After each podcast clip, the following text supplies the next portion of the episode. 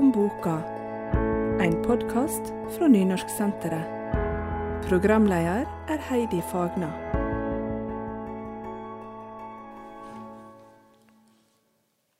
Hva vil du bli når du blir stor? Jeg vil bli en hvit norsk mann. Brynjulf Jungkjønn, velkommen til en episode av Bakom boka om diktsamlinga 'Hvit norsk mann'. Takk for det. Du, Gratulerer med ei diktsamling som blir lest og diskutert og bejubla. Takk for det. Um, hvordan har du sjøl opplevd denne mottakinga? Nei, for meg så har det vært litt uventa.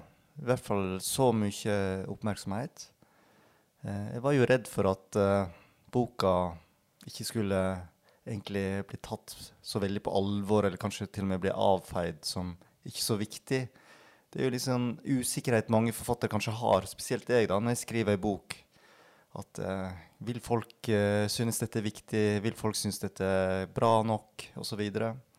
så jeg var veldig spent, spesielt fordi det var så personlig og, og nære dikt, og som er skrevet så enkle og rett fram. da. Skrevet på en litt annen måte jeg har gjort før. Så veldig spent og utrolig takknemlig da, for eh, måten eh, boka blir tatt imot på. Det er jo det var vel omtrent sånn som jeg drømte om, egentlig. At boka skulle skape diskusjoner, at det skulle bli en øyeåpner for mange. Uh, dette med å være adoptert er jo kan jo i, har kanskje i lang tid blitt framstilt som en slags solskinnshistorie hvor eh, adopterte er heldige som får komme til Norge. Og adopsjon har foregått i 50-60 år. Og um, dette med at hvordan adopterte kan oppleve rasisme, har kanskje rett og slett forsvunnet litt opp gjennom disse åra. Og for meg så har det vært viktig å fortelle den sida av, av, denne historien om adopsjon i Norge. Um, 'Hvit norsk mann' er ei bok som er spekka med det ubehagelige. Uh, noen ganger så skriver du om rasisme som er så åpenbar og grufull at den ender med drap. Men mest så skriver du med utgangspunkt i din egen bakgrunn som adoptert fra Sør-Korea. Du beskriver følelsen av å se annerledes ut, og hvordan folk rundt deg påpeker det. Både fremmede og folk som du kjenner. Dette her med å ikke se helt lik ut som andre, hvordan kjennes det for et barn? Uh, jeg tror uh, kanskje det er ekstra spesielt som adoptert. Fordi um, en kommer fra en helt annen verden, og så blir man plassert i en hvit familie. Kanskje den eneste kvit, nei, mørke i en hvit familie. Og sånn var det for meg. Foreldrene mine var hvite, og jeg var alenebarn. Og søskenbarna mine var hvite, alle onkler og tanter var hvite, og besteforeldre. Sånn at jeg var den eneste, og, og nesten den eneste i hele bygda òg. Så det spesielle for meg var at jeg, når jeg lekte med vennene mine, de jeg vokste opp med, og, og, og hørte meg sjøl med veldig brei sognedialekt, så, så, så, trodde jeg at jeg var hvit. Og så hver gang jeg så meg i speilet om, om, morgenen og kvelden, så, så, så jeg jo at jeg var ikke det. Så, så, jeg brukte veldig masse tid framfor den spegelen. fordi det fantes ingen andre forbilder da jeg vokste opp som var mørke i huden. Altså på TV, Vi hadde én TV-kanal, NRK. På TV på 80- og 90-tallet så var alle hvite. Alle heltene i Norge var hvite. Alle som drev med sport og alle popstjerner var hvite. Sånn at jeg hadde rett og slett ingen forbilder. og jeg tror mange adopterte kanskje er litt eh, ensomme rundt dette med å se annerledes ut. Fordi man har ingen de å dele det med i, blant nærmeste i familien. Da, og ingen i familien som på en måte kan relatere seg og skjønne hvordan det kan være å være annerledes eh, som adoptert og se annerledes ut. Så, så, jeg tror jeg var ganske ensom rundt det og snakka ikke om det i hele tatt og holdt det veldig for meg sjøl. I denne boka her så gir du oss mange drypp fra, fra ditt liv. Um, det fremstår sjelden som at folk har sagt ting for å være slemme, men det er bare sånn ubetenksomt. Og så presenterer du det så åpent og enkelt at vi skjønner at dette må jo være vondt for et barn. Ja, både som barn og ung og som voksen har jeg opplevd sånne situasjoner. da.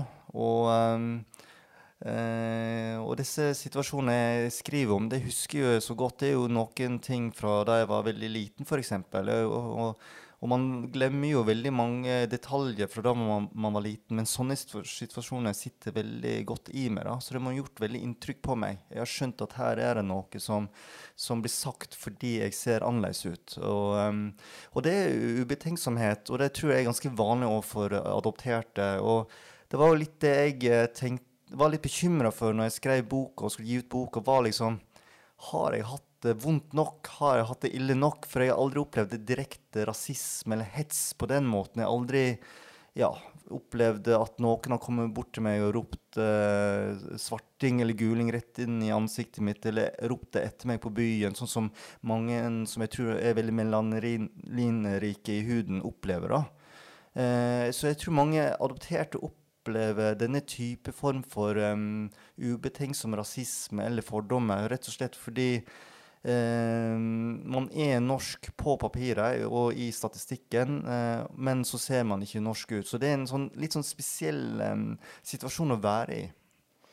Og det, og det, er noe av det som slår sånn med denne boka her. Um, jeg leser mange bøker. Og de fleste av de kommer jo det er synd å si det, men, men, de fleste av de kommer jo til å glemme. De gjør ikke så mye inntrykk. Men dette er en bok som jeg vet at jeg alltid kommer til å huske. Fordi at når en leser, så tenker en 'Å hjelpes meg', jeg kan jo ha sagt noe lignende. Å hjelpe meg, å hjelpe Altså En får sånn så mange sjokk, rett og slett. Ja. Eh, fordi at det er sånne små ting. Mm. Det er ikke de store. Det er ikke de kjempeslemme, men de små. Mm. Og, det, og, det, er veldig, veldig treffende. Mm. Overrasker det deg at vi andre blir sjokkert av boka di? Eh, ja. Um, og det er en veldig vanlig reaksjon jeg har fått. Uh, når jeg leser høyt, uh, så hører jeg liksom reaksjonene i salen, og folk kommer bort til meg etterpå og liksom Ja, dette traff meg veldig, for dette kunne jeg ha sagt, og dette kan Ja. Og jeg tror rett og slett uh, det blir en øyeåpner for mange. Um, og derfor tror jeg det er viktig med en sånn type bok. og um, jeg, jeg, tror det er viktig for alle å skjønne hvordan det kan være å være adoptert, fordi dette er en type historie som ja, ikke er blitt fortalt så mange, mange ganger før. da. Eh, adopterte har vel i stor grad kanskje, hvis de opplever denne form for rasisme eller ubetenksomhet, holdt det mye for seg sjøl, og det har jeg gjort. Eh, jeg har blitt, eh, jeg har i 40 år holdt det for meg sjøl, og eh, noen av disse situasjonene har jeg kanskje delt som en slags artig historie med vennene mine. liksom, hva, Vet du hva jeg hørte, eller vet du hva noen sa til meg her forleden? Og så har vi ledd litt av det. Og jeg har på en måte ufarliggjort det. Og har vel hele tiden tenkt at dette må jeg bare tåle som adoptert. Dette er en del av det å være adoptert, fordi man ser ikke norsk ut, men man er norsk. Og man ikke hvordan og, og folk rundt vet ikke alltid hvordan man skal uh, håndtere de situasjonene. da. Sånn at um, det gikk nesten 40 år før jeg skjønte at man kan tolke eller man kan definere dette som rasisme, og at dette ikke er greit. Rett og slett fordi jeg, eh, andre adopterte begynte å fortelle om opplevelsene sine. Jeg las intervju med ei anna adoptert uh, Uma Tjelta Feed, som, som er en uh, kunstner, uh, som, som, definerer slike opplevelser som rasisme. Og var, det var òg en øyeåpner for meg. Og da begynte jeg å tenke ja, men jeg har opplevd rasisme. Jeg har gått i 40 år og sagt nei, men jeg har nesten ikke opplevd rasisme. Men jeg har faktisk gjort det i 40 år. Og derfor tror jeg det er viktig å dele det. Fordi eh, da vil andre adopterte kjenne seg igjen og skjønne at eh, dette er situasjoner som ikke er greie. Hvor går grensa, da? Hvor, hvor, hvor, lett er det å si hva som er rasisme og ikke? Nei, Det òg syns jeg er vanskelig. For jeg, fordi jeg merker jo nå òg å si at ja, men dette er rasisme, dette kan defineres som rasisme. Det kanskje kan være litt voldsomt. og Eh, for meg så har det òg vært viktig at, at dikt, eh, nettopp ved at jeg skriver disse diktene, så lar jeg det egentlig uh, opp til leseren litt å tolke det sånn. Man kan definere litt sånn som man vil. Uh, jeg, jeg, tenker jo at mange adopterte opplever rasisme. Uh, og så er det vanskelig å definere altså, når er rasisme egentlig. Altså, det kan være ubetenksomhet, det kan være fordommer, det kan være eh, kommentarer som er uforsiktige eller, eh, eller vonde. Sant? Men, eh, så jeg er ikke så opptatt av å på en måte definere det som rasisme. Men jeg er nok mer opptatt av at, nettopp at dette skal være bok som åpner øynene. Og som gjør at man tenker seg en ekstra gang om neste gang man snakker med noen som har en annen type minoritet. Og det, dette uansett om man er adoptert, eller om man har innvandringsbakgrunn, eller har en annen type minoritet, og at man for eksempel, ja, for eksempel, at, at man òg har samisk bakgrunn, som opplever veldig masse hets. Men rett og slett hvordan man omtaler hverandre. Altså, ser, man trenger ikke være, ha minoritetsbakgrunn. Man kan være en kvin, ung kvinne som, eh, som, mener noe i politikken og får masse hets. Så, så min, min, tanke er at eh, la boka være en øyeåpner, og, la, at, og at, vi snart, at, vi kan prøve å snakke med hverandre om, med respekt. da. Og jeg òg har masse å lære der, at jeg òg kan være uforsiktig i forhold til andre med annen type minoritet, som jeg ikke kjenner situasjonen til, eller veit hva som på en måte gjør vondt for. Sant? Så jeg tenker så jeg jobber også mye med meg sjøl. Hvordan skal jeg omtale andre, eller snakke med andre om dette her?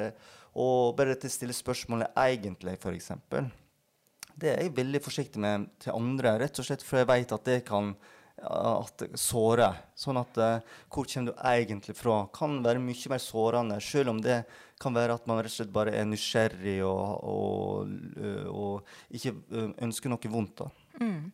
For det er jo en veldig vanlig ting i Norge. Eh, mm. når, når, jeg som er hvit norsk dame, da, hvis jeg skal bruke denne terminologien, kommer en plass, så er jo folk veldig raske med å spørre hvor jeg kommer fra. Mm. Og så oppfatter jeg det som et helt vanlig spørsmål à la 'hvor gammel er du?' Fordi fordi at det er ikke sensitivt på noen måte. da. Eh, og når du blir spurt hvor kommer du fra, så svarer jo du Feios ikke sant, i Sogn. Eh, og så kommer dette ekstraspørsmålet hvor kommer du egentlig fra. Oppfatter du det som at det er slemt meint? Uh, nei, men man blir minnet på at man ikke er helt norsk. Og det er jo det jeg tror eh, iallfall jeg har lyst til å være. og uh, det var det jeg ville i oppveksten. Jeg ville være som alle andre. For jeg har følt meg helt norsk innvendig. Uh, jeg er norsk og føler meg uh, norsk, og så ser jeg ikke norsk ut. Og så blir man minnet på det av andre ved at de stiller det spørsmålet, og spesielt oppfølgingsspørsmålet. Og så tror jeg veldig mange da med med en annen hudfarge eh, skape et slags forsvar ved at man, eh, man, eh, man, har et svar klart, at man alltid tar forbehold når man får det spørsmålet, nemlig at eh, ja, jeg er fra det stedet, men jeg er adoptert, eller foreldrene mine kommer fra det landet. Det tror jeg mange gjør, da, rett og slett for å unngå det ubehaget eller det ekstra spørsmålet. Og så er det jo litt fint at um, i noen tilfeller så ble jeg overraska at, uh, at, folk rett og slett er, er opptatt av hvor i Norge jeg er eh, fra pga. dialekten min. Og, og, så tenker jeg at um, det er så lett å unngå det, den situasjonen rett og slett ved å spørre ja, men den dialekten din, hvor er den fra? For eksempel. og det fikk jeg spørsmål fra i går, fra en, en, han så, en som, som jeg satt på med i en bil. og det syns jeg var veldig fint. Jeg var veldig opptatt av dialekten min, for den er litt viska ut. Burde vi egentlig bare lage en regel om at det aldri noensinne er lov å spørre folk om opphav, når en ser at de ikke kommer fra Norge genetisk sett, da, om en skal si det sånn? Jeg tror man skal være litt uh, var på det, og det er egentlig jeg òg. Jeg tenkte at uh, jeg som sjøl ser mørk ut og, og, er adoptert, jeg burde jo kunne spørre andre om ja, hvor kommer du fra, er du adoptert, og hvor er du, liksom. Men jeg er òg veldig var på det, uh, og forsiktig med det. Nettopp fordi jeg vet at det kan være sårt. Eh, fordi vi er jo norske, og jeg tenker på et eller annet tidspunkt så tenker jeg at eh, vi må bare tenke at alle er norske. Eh, uh, og så får heller den personen som, um, som har en annen type bakgrunn, kanskje komme inn på det sjøl. Men jeg, jeg, er jo litt sånn forsiktig med å si at man skal, ikke skal være opptatt av det og ikke skal um, snakke om det, men ser litt annen situasjon. Og så kanskje høres det litt krevende og litt mye arbeid og litt mye man, og, og, noen kan tenke å, skal man hele tiden ta hensyn eller omsyn til hverandre hele tiden? Det blir så omstendelig, og det blir så mye Hvorfor skal man være så, så såra av slikt? Men jeg, men jeg tenker at det viktigste er på en måte å vise respekt og omtanke for hverandre. Noen av eh, diktene i boka di eh, handler om tre ungdommer som ble drepne fordi noen mener at de har feil hudfarge. Benjamin Hermansen, Johanne Ile Hansen, eh, begge de ble drept av unge mennesker med rasistiske holdninger. Og så var det en Arve Beheim Karlsen som ble jaga av unge menn med rasistiske holdninger. Og for å unnslippe dem, så sprang han i elva der han drukna. Hvor lett er det å bestemme at du skal skrive om navngjevne personer? Dette var jo tre uh, barn, faktisk, som, uh, som uh, døde pga. at de hadde annen hudfarge. Og dødsfallene til Arve og, og Benjamin og Johanne har prega livet mitt veldig. da. Og, og, spesielt to av dem er jo adoptert i tillegg. sånn at for meg så har det vært ganske viktig og egentlig utløsende for skriveprosessen. Eh, det å skrive om disse tre. Og uh, litt av grunnen til at jeg begynte å skrive 'Hvit norsk mann', var jo da Johan ble drept av sin egen stebror. Rett og slett fordi hun hadde feil etnisitet. Så for meg var det helt avgjørende å sette dette i en litt sånn større sammenheng for å vise alvoret eh, rasisme kan ha. For det er jo sånn at jeg som eh, nå eh, 41 år gammel, privilegert eh, voksen, har opplevd eh, eh, mange ubehagelige situasjoner. Eh, men så er det òg viktig å se litt større på det. At det har faktisk vært dødsfall og drap i Norge rett og slett fordi man har hatt annen hudfarge. og setter det litt større perspektiv. Det er en, det er en veldig stor, stort alvor her. og for meg personlig så dødsfallet til Arve var noe som gjorde meg veldig redd. fordi det skjedde i Sogn, hvor jeg vokste opp. Det er halvannen time fra der jeg eh, bodde. Eh, og når jeg las om dette i VG, så, så, ble jeg skikkelig redd. For jeg trodde at i Sogn og Fjordane, trivselsfylket i Norge, verdens beste land, så trodde jeg at jeg var helt trygg. Og det hadde fulgt meg helt til Arve døde. Og da skjønte jeg at uh, det er ikke trygt eh, selv i Sogn og Fjordane er det ikke trygt for en som er adoptert. Og Arve hadde uflaks, jeg hadde, hadde, flaks. Jeg møtte ikke på feil personer. Eh, sånn at eh, den redselen har fulgt meg hele livet og har nok vært et slags eh, bakteppe for mye av bøkene jeg har skrevet. En slags frykt eller en slags eh, Det å være litt annerledes og utenforskap og, som har prega meg veldig. da. Og, og, og eh, en frykt jeg var ganske ensom rundt, fordi ingen spurte eller ingen tenkte kanskje på at jeg kanskje følte noe rundt det. da. Sånn at uh, det er først nå jeg følte meg klar for å skrive om det. Og for meg så føltes det helt nødvendig at jeg, at jeg var med i denne boka. Du har skrevet um, ett dikt uh, som handler om han Arve Beheim Karlsen. Um, jeg tenker vi kan avslutte denne podkasten med at du leser det. Det er såpass sterkt at det er ikke noe fornuftig jeg kan si etter det. Så jeg lar deg bare avslutte med å lese det, så sier jeg takk for at du var med, Brynjulf Jungkjønn. Takk for at jeg fikk komme. Og jeg springer sammen med Arve BM Karlsen. Jeg ser på han, og han ser på meg.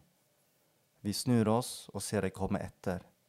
Drep denne negeren, roper de, og vi springer over brua. Og halvveis så stanser Arve opp. Han vurderer fram og tilbake. Så skjønner jeg at han vil springe under brua, og jeg følger etter.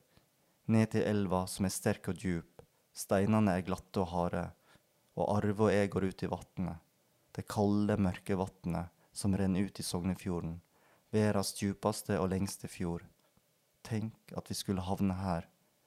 Drep denne negeren, roper de, og vi ser på hverandre, den ene brun, den andre gul. Tenk at vi skulle havne her, i denne djupe, lange fjorden, der det vokser epler og bringebær på rekke og rad langs fjordskråningene, der fjell etter fjell strekker seg oppover mot snøtoppene der ferjer sklir som hvite kvaler mellom små bygder. Nå hører vi steg på brua. Drep denne negeren, roper de, og vi ser på hverandre. Vi holder hverandre i hendene. Vi dukker under. I vannet er vi brødre. To adoptivbarn holder pusten. Jeg er den eneste som reiser meg. Du har hørt Bakom boka en podkast fra Nynorsksenteret.